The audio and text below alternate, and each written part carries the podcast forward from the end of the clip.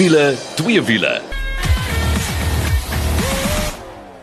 As jy nou net ingeskakel het, dit is wiele twee wiele saam met my Janet. Langs my sit Kaal en dan gaan Nikkel ook later by ons aansluit. Hallo Kaal. Hallo, altyd lekker om met julle te gesels en uh, moenie vergeet nie die Engelsman gaan hom ook so bietjie vir ons uh, sê wat hy dink van die karre. Ja, dit is so. Ja, ons het 'n propvol program. Ons het 'n padtoets gehad met Fiat se 500 en Mike McDouling, die Engelsman, gereeds vir ons sê wat hy ook dink van die Fiat. Dan het ons nog 'n padtoets gehad met Kia se Sonet. Daar was ook 'n bekendstelling van die week. Mini het hulle opgeknapte 3-deur en 5-deur luikerig as ook die afslankap bekend gestel en Mike McDouling het reeds dit vir ons bygewoon. Dan in die tweede helfte, ja ja ja. Kom, ek kan net vir jou sê, vlieg, sandsurfing, man, jy moet ingeskakel bly daarvoor en ons het altyd 'n lekker wenk vir jou ook. Maar kom ons spring weg. Fiat se 500. Nou kyk, voor jy wil hoor wat ek en Kaal sê van die kar, kom ons trek gou vir Nikkel nader en hoor wat sê Nikkel. Hallo Nikkel. Ja, lekker om met jou te gesels, meneer. Sê gou vir ons, wat dink jy van Fiat se nuwe 500? Kaal praat mos altyd van 'n nuwe oue en hierdie is nou 'n sprekende voorbeeld. Die oorspronklike Fiat 500 is in die laat 1950s in Italië vervaardig in Turin en daar is amper 4 miljoen van hierdie klein stadskarretjies vervaardig. So gewild was dit in Europese stede, is klein, kompak, maklik om te ry en bestuur en jy kan amper nie 'n ou fliek kyk sonder dat daar nie 'n Fiat 500 elders in sal verskyn nie. Die nuwe Fiat 500 is natuurlik pragtig gestileer op die lyne van die ou een. Dis nog steeds 'n kompakte stadsmotortjie. So ja, ek en Kaal wat nou groot manne is, as ons inklim, lyk dit omtrent of ons die karretjie aantrek. Hy's baie knap in die binnekant. Agter is daar regtig omtrent net plek vir kinders en die kattebak, joh, een pakkie van die winkels en hy is vol, maar Dit is nie waarvoor hy bedoel is nie. Hy is bedoel om lekker in die stad rond te ry. Die kleinste parkeerplekkie kan jy inparkeer. Ek het by 'n ondergrondse parkering ingetrek en sommer so suidelings langs 'n pilaar uitgery wat nogals komieklik was, maar dis wat hierdie karretjie jou toelaat. Sy ry gemak is goed. Hy het al die funksies binne en buite, maar ja, dit is 'n klein stadskarretjie. Iets wat ek baie negatief gevind het van die Fiat 500 is daai twee silinder wat hulle noem 'n twin air 875 cc enjin. Hy is natuurlik turbo aangejaag wat vir hom 63 kW en 145 Nm gee, maar dis maar 'n moeilike enjintjie om aan die gang te kry en hy het maar redelik vibrasies en 'n snaakse geluid. Ek dink die karretjie sal soveel lekkerder geloop het met 'n 3 of 4 silinder, selfs naturally aspirated enjintjie van so 1.2 of 1.4 liter. Maar nou ja, ongelukkig in Suid-Afrika kry jy so nou net met daai air. Hulle beloof natuurlik 'n verskriklike lae brandstofverbruik van omtrent hier by die 4 liters per 100. Uh, maar ek moet sê terwyl ek hom gery het, was dit nader aan die 7 want jy moet hom so hard werk om 'n bietjie verrigting uit hom uit te kry. So in daai opsig ja, ek wens dit 'n ander enjin gehad, maar ek hou van die idee, ek hou van die stelering. So as jy hou van hom uit te staan, dan kan die Fiat 500 miskien net die kar vir jou wees. Ja, Nicole is altyd geregtig op sy eie opinie en uh, hierdie is een van daai karre wat uh, ek dink mense gaan verskil oor hoe hulle voel oor dit, maar Mike McDouling het vir heeltemal anders gevoel. Kom ons hoor wat sê Mike. Hallo almal, baie trots en bly om saam met julle te kuier weer. I just want to jump straight into a, a, little story of mine. So I heard Carl driving up the driveway into our complex, and I thought, my word, this sounds like a tuk tuk. And I don't know if you know what a tuk tuk is. It's those three wheel, almost like a Vespa try things that they used to use in taxis, I think in India and all over the show, as well as light delivery vehicles. Um, he got out, he had a slight dry smile on his face, and I said, Yes, buddy, has this thing actually got an engine inside it? And he just looked at me with this little smile and said, Mike, this is a lot of fun. Take it for a drive. So jumped in the car, did my famous Stellenbosch up downhill route just to test the uphills and the downhills in this little two cylinder machine. And wow, I was so surprised about the power delivery, the very nice little gearbox change, and that passionate, passionate red little car. It's got so much personality and charisma um, and charm. It was really fun to drive, and I tell you, so frugal on petrol. I left here with a range of 525 kilometers, did my little run around Stellenbosch and came back, and the range was at 541. Naturally, I was driving very carefully and I wanted to test the car, but wow, I think this is a little town winner. It's really special. Well done, Piet. Nou daar het jy dit nou Nicole is nie dik vir die lag oor hierdie twee silinder enjinkie. Mike is weer mal oor die karretjie en uh Kol, nou wil ek by jou hoor, wat het jy meneer? Ja, ek moet vir jou sê, so net weet 'n mens moet bietjie aanpas ook. Ons is so geneig uh Suid-Afrikaners om 'n kar op sy baadjie te takseer en jy kyk na hom en jy dink ja, jy weet, dit gaan nie werk nie want ons is spasie en goed gewoond, maar ek kan dink dat daar miljoene van hulle verkoop uh wêreldwyd want dit maak net sin. Ek bedoel as jy nou al in Londen was en in daai plekke byvoorbeeld en jy sien hoe beperk spasie is en parkeer parkering. Uh moet ek vir jou sê, ek het uh, so een of twee keer met die kar gery. Dit voel nou of mense vir my lag want ek lyk like so ou van die Incredibles. Jy weet, ek trek letterlik soos Nicole gesê die kar aan. Maar ehm um, die spasie is nie goed waar jy kan in. Ek wil jy kan enige plek parkeer waar jy wil. So ja, die engine is vat 'n bietjie gewoond raak. Ek is nie geplaag dat dit twee silinder is nie. Ek voel dit is daar's baie geraas in die binnekant van die kajuit. Maar ehm um, jy weet, horses vir kosses. Ja, ek persoonlik stem met Nicole saam oor daai twee silinder engine. Ek was nie mal oor die engine nie, maar ek stem wel ook saam met Mike wat weer sê dit is 'n pragtige klein karretjie. Hy's lekker nippie in die sin van dat jy kan lekker met hom rondry en 'n perfekte stadskarretjie wat uitstaan en anders is. So ja, dit is wat Fiat se 500 betref. Gaan loer bietjie op ons Facebook bladsy, dan gaan jy sien hoe pronk die Fiat daar vir jou. Maar nou oor na ons volgende padtoets van die week en dit was vir my nogal 'n verrassing. Kia se Sonnet. Nou, Mike McDouling het reeds die Kia Sonnet bekendstelling vir ons bygewoon so rukkie terug. Nou het ons homself ervaar en Kaal, dit lyk vir my soos 'n mini sportage. Ek was regtig beïndruk met hierdie karretjie. Ja, ek dink die, die Sonnet is baie goed ontvang deur die media en selfs die publiek. Ek, dis hoekom die verkoopsyfers so goed lyk. Hy is definitief besig om weet sy hakke goed in te slaan in daai segment. En ja, as jy net jy kry met die EX en die LX model, die EX is jou meer luukse een. Nou wil ek tong die kies ook sê die LX beteken nie daar's niks in nie want as jy deesdae kyk wat standaard saam met 'n sogenaamde inaanhalingstekens intree vlak kar kom, jy weet raakskerms en ABS en EBD en lugsakke en die stoel kan verstel en elektriese vensters voor en agter en dan sê hulle dis intree. Wat 'n ding is gaan aan in die mark. Ja, jy kyk, ek sê vir jou intree is ook nie meer wat dit intree was nie, maar dit is goeie nuus vir jou as verbruiker. So ja, ek dink wat Kia se Sonet betref, Kol noem nou van die twee intree modelle. Ek wil sommer dadelik begin met die prys want wie jy deesdae raak mens eintlik half koud as jy prys moet gesels, maar ek is regtig beïndruk. Ek bedoel die Sonnet 1.5 LX handrat begin by 279995. So dis net so onder 270 000 rand. Dan hardloop hy al die pad op na die Sonnet 1.5 EX CVT wat jy kyk vir 310 000 rand 995. So wat staan vir my uit veral op die intree modelle soos Kol gesê die lys van standaard spesifiek spesifikasies wat jy saam met die kar kry. Net een ding op daai engine. Jy kyk na 'n 1500 natuurlike geaspireerde petrol engine, so 85 kW en 144 Nm wringkrag. Uh ons het met die CVT gery. Ek was nou nie mal oor daai kombinasie nie. Ek persoonlik sal beslis vir die handrat gaan, maar kol, hoe het jy dit ervaar? So net ek het so 'n bietjie saam met die kar geleef en dit was vir my lekker. Ek dink as jy die CVT eers gewoond raak, jy weet dit is maar soos baie CVT radkaste. Hierdie was actually nogal nie vir my 'n slegte een nie. Ek het lekker gery. Ek dink die die brandverbruik en goed was vir my heel aanvaarbaar geweest en gemaklik om in en uit te klim. So ons ken vir Kia, hulle is baie sterk in die land. Ek dink is 'n baie goeie handelsmerk en 'n baie goeie produk. En dan wil ek ook sê, ja, dis letterlik 3 maande later van wat die Kia Sonet bekend gestel is, maar hulle is absolute markleier tans. Daar verkoop tonne van hom en as jy hom op die pad sien, sal jy verstaan hoekom.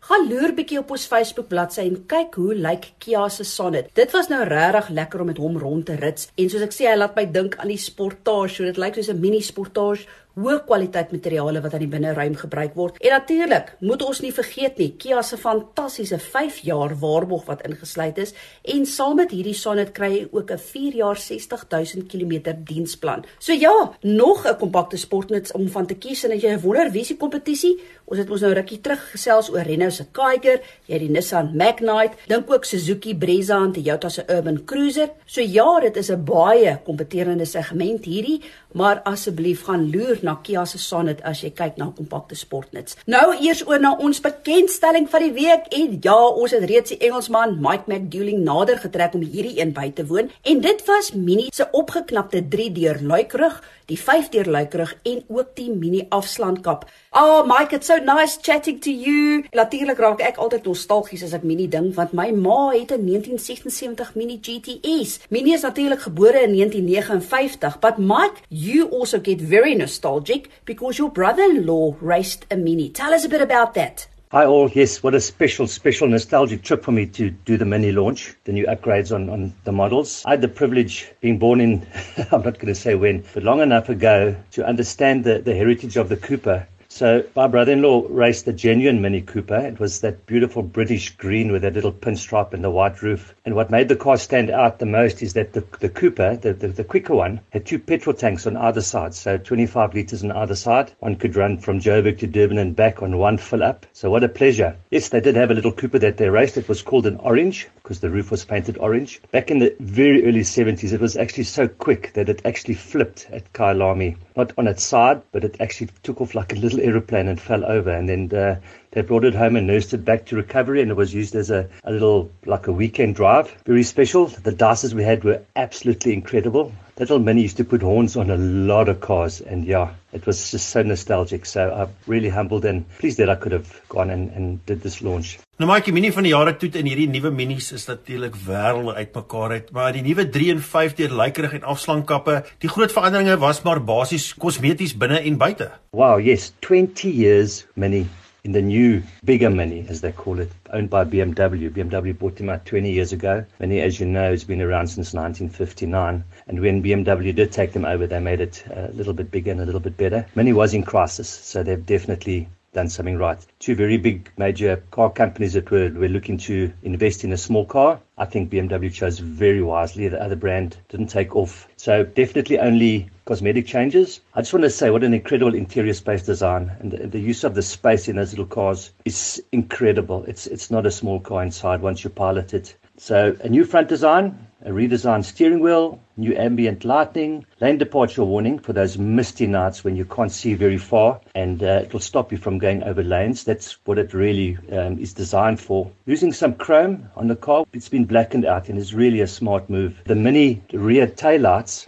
now that Union Jack in all the models. So when you brake, you've got this picture of this Union Jack. It looks so good. Chassis now is frequency selective damping. It's a real little go-kart with some serious street credit. It just taps into my emotions when you're running around. You just feel like you just want to become a racing driver. Hoorie, daar's ook onder andere drie nuwe kleure, maar dis nie sommer net gewone kleure nie. Dit is uiters spesiaal. Verduidelik vir ons. Yes, I just wanted to go in with the cosmetic changes, the the colors of the Mini There's three new colors available. And they've also got this very special roof coloring now where they take a blue paint, they paint it on the roof, then a darker blue while the blue paint is still wet, and then they paint it with black on top of that. So all three paints are, are still wet and then it gets dried and you see this most beautiful color you have ever seen. It changes from turquoise to black to blue in the sun. Yeah, I tell you what, some guys' brains are just so brilliant to bring this thing out. Nou Mike, ons het twee tipes engines beskikbaar. Vertel ons 'n bietjie meer oor hierdie engines. Wow, yes, three-cylinder turbo of 1.5 liters with two options of motor size. It's so it's a 75 and then 100 kilowatt spec. The bigger Cooper S is powered by a two-liter four-cylinder turbo with 141 kilowatts on tap. That is a beast. You do get the John Cooper Works upgrade at 170 kilowatts. Jy het nou spesifiek met die Cooper 3-deur luikerig en ook die afstandkap Cooper S gery. Ek wil weet hoe het jy daai twee ervaar? The little 1500 turbo pulls so well, but you get into that little Cooper S and you understand a 2 litre turbo front wheel drive. What a pleasure. It picks up speed so quickly, so effortlessly, and it really makes you want to be a kid again. I just I just wanted to race, race, race, race. And I couldn't because my, my co-pilot I think would have got very scared. So yeah, it, it, just inspires that little boy out of you again. And, and I can only imagine how pressured it is to drive for the ladies around it. They will love this little gem because that's what it is. It's a gem. Nou ons weet in hierdie tye waar ons leef is prys altyd 'n teersaak, maar daar is 'n wye verskeidenheid om van te kies. Maar vertel ons 'n bietjie meer. So yes, there's uh, four minis in in the smaller range. So it's the Mini 1, which is the entry level starting at 420k. You then get the three-door hatch which is a little bit more, and the five door hatch at 430. The convertible comes in at 533,000 worth every little penny. It's well priced, well spec'd. It's a solid build car. As you know, we've driven quite a lot of cars in the past, Jeanette and Colin and Nicole, and this one is just put together typical BMW precision. Yeah, I'm, I just love the whole experience. Nou toe as jy wil sien hoe lyk die opgeknapte Mini 3 deur luikerig, die 5 deur luikerig en ook die afslaankap gaan loer bietjie op ons Facebook bladsy. Ons gaan nou eers bietjie asem skep, dan ons terug sand tussen die tande in Namibië se duine, jy wil dit nie mis nie en ook lekker wenk. Ja, en as jy 'n vlekvrye stal uitlaatstelsel soek al uh, as jy hom wil stilhou of as jy so 'n bietjie weer jou kar moet praat, moet jy definitief 'n draai gemaak by Powerflow Belwel. Hulle kyk na alles wat jy nodig het. En uh, weet jy wat? Dis nie net 'n jaar waarog nie dis sommer 5 jaar. So 'n uh, vir beter werkverrigting brandstofverbruik en al Spelflow Belwel dis die plek vir jou. En is so maklik soos www.belflowbelwel.co.za nou as jy net ingeskakel het jy is by wiele twee wiele en ek en Janet kuier lekker saam met jou maar nou Die groot ding hier is 'n dame hier langs my met 'n baie breë glimlag, want sy het so tydjie terug so bietjie in die duine gaan speel in Namibië en uh, saam met wie was dit net jy het die sandkastele gebou? nee, beslis nie. Oh, Kol, ek het die fantastiese voorreg gehad om by die Toyota Gazoo Racing toetsessies te wees in Namibië, waar hulle hulle nuwe Hilux bakkie getoets het. Nou hoorie, verlede week het Toyota Gazoo Racing aangekondig dat hulle 4 Hilux bakkies gaan hê in die 2022 Dakar. Maar dis met 'n nuwe bakkie. En om sy volle naam te gee, klink soos 'n mondvol, dis die Toyota Gazoo Racing DKR Hilux T1. Ons net ek weet daar is al jare sprake van eh, 'n uh, klomp veranderinge wat hulle wil aanbring want jy weet die speelveld is nie heeltemal gelyk as dit kom by Dakar nie. Ek dink die vorige Hilux het die bande so 'n bietjie teruggehou, maar ek weet goed soos pap bande en daai tipe goed was maar altyd 'n issue geweest. Vertel ons 'n bietjie meer van die veranderinge en hoekom jy sê dis 'n splinter nuwe Hilux. Hoor jy, ek kan net vir jou sê dat hierdie nuwe bakkie is gebou volgens die nuwe regulasies en hier kom 'n ding vir die 2022 Dakar, hoor? So ja, onder andere is dit 'n nuwe engine. Ons het nou verlede week gepraat oor die Toyota Land Cruiser bekendstelling wat nou onder andere kom met 'n 3.5 twin turbo V6 engine. En is nou reeds hierdie engine wat ontwikkel is vir die nuwe Hilux bakkie wat fantasties is. En uh ja, ek kan net vir jou een ding sê. Kol jy weet. ek het adrenaliene in my are. Ek het al baie dinge in my lewe beleef. Man, ek was al saam met Jadeel de Villiers verskeie kere in sy Hilux bakkie, maar nog nooit was ek oor die duine van Namibië nie. Dit was absoluut ongelooflik. Kom ons net ek weet daai manne kan ry, maar ek dink wat hierdie voertuig so uniek maak, is die feit dat hy nou iewes skielik kan ry waar die vorige een nie kon nie. Dis reg, ek bedoel daai duide van Namibië lyk soos mini tafelberge, ek sê vir jou. En dit is presies dit. Ons het oor die duide gevlieg, man, ons het gedans. Dit was so sand surfing. Dit was absoluut fantasties. En presies dit. Hierdie nuwe Hilux bakkie kon deur duine uitgaan waar die ou Hilux bakkie nie kon nie, want die ou bakkie was onder andere daar. Hoorie as jy jy 'n Toyota aanhanger is, luister maar mooi. Team Hilux, hierdie nuwe Hilux bakkie staan 'n groot kans vir die 2022 Dakar, want onder andere met die nuwe engine, die groter wiele, dit beteken natuurlik jou suspension travel is ook meer. Maar ek het nogal vir Jadeel de Villiers nader getrek soos ek uit die bakkie uitgeklim het en vir hom gevra wat dink hy van hierdie bakkie.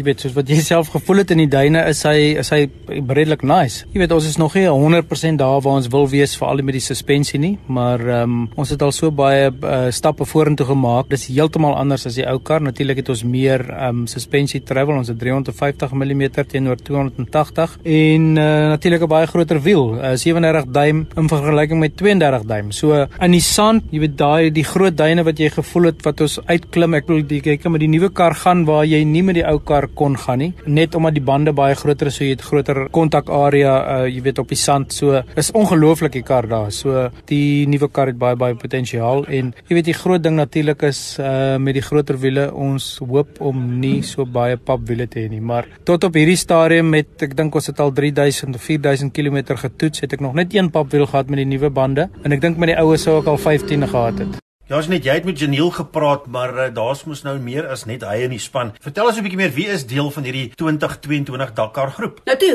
vier karre en dit is Nasser Aletia en sy navigator Matthew Belmol, dan het ons vir Janiel de Villiers saam met sy navigator Dennis Murphy, Henk Lategan en sy navigator Brett Cummings en dan die vierde lid van die span is Shamir Variawa en dan ook sy navigator Dani Stassen. En Kol, Nasser Aletia was ook by hierdie toetsessie saam met sy navigator Matthew Belmol en ek sê vir jou hy het nog nie die kar gesien nie. So ons almal het so gestaan en gewag wat gaan Nasser sê, wat gaan hy sê? Hoor hy klim uit daai kar uit, hoor. Hy het hierdie glimlag soos 'n klein seentjie op sy gesig. Hy het gegiggel en Waldo van der Walt het hom nader getrek en soos hy uit die kar uit klim vir hom gesê: "Toe, wat dink jy van hierdie nuwe Hilux bakkie?" Luister gou hierna. Very different, eh? Completely different. I'm happy now. yes, yes, but it was time. Now it will be real fight. Yes, now you've got the weapon. yes. Okay. Right bullet. The right bullet. the right bullet. We'll Oh, do that. fantastic. Good, good, Yeah, good, This good. is the new bullet now. Yeah. Nou dit is presies dit. Soos NASA sê, nou het hulle die regte bullet. Hoorie, ek is regtig baie opgewonde. Onder andere met hierdie groter wiele. Kol, weet jy dat in die begin van die jaar se Dakar het Janiel 24 papbande gehad. Nou tydens die toetsessies soos wat hy noem, wat amper tussen 3 en 4000 km was met hierdie nuwe wiele, het hy net een gehad. So ek het regtig hoop en joh, ek sê vir jou die geleentheid om daar te kon wees en oor daai duine te kon vlieg. Ek moet iets bieg. Ja, ek het uit die kar uit geklim ek het 'n traan gestort. Ongelukkig was daar getuies, so kan dit eers wegsteek nie, maar dis presies wat hierdie bakkie oor hierdie Namibiese duine aan my gedoen het. Nou as net jy het baie tyd spandeer binne in die kuipe of die put soos hulle dit noem. Sê gou vir my, uh, wat gebeur alles agter die skerms? Vehikel, dit is nog 'n ding wat vir my absoluut ongelooflik is. So hoe die werktuigkundiges werk aan die voertuie, maar ook die ingenieurs sit met hulle laptops en hulle sal byvoorbeeld die data van die kar aftrek nadat Janiel of Nassar op 'n sessie was en dan dit heeltemal ontleed, maar weet wat jy nie weet nie. So staan Janiel en hy sê vir die een ingenieur, "Ja, daar waar ek die flikker aangesit het of daar waar ek die toeter geblaas het." kan jy glo dat sy manier onder andere hoe hy kommunikeer met die ingenieurs sodat hulle op die data kan sien wanneer wat gebeur het. Sien nou hy het iets op die suspensie gevoel wat te hard is, dan sal hy die toeter druk. Dan kan hulle dit optel op die data. So dit was vir my ongelooflik. En so van suspensie gepraat, weet jy dat hulle by die fabriek 'n damper dyno gebou het wat spesifiek vir die ontwikkeling is van die suspensie. In 'n shock kry jy byvoorbeeld shims. Dit het ek nou alles geleer van al die slim mense daar.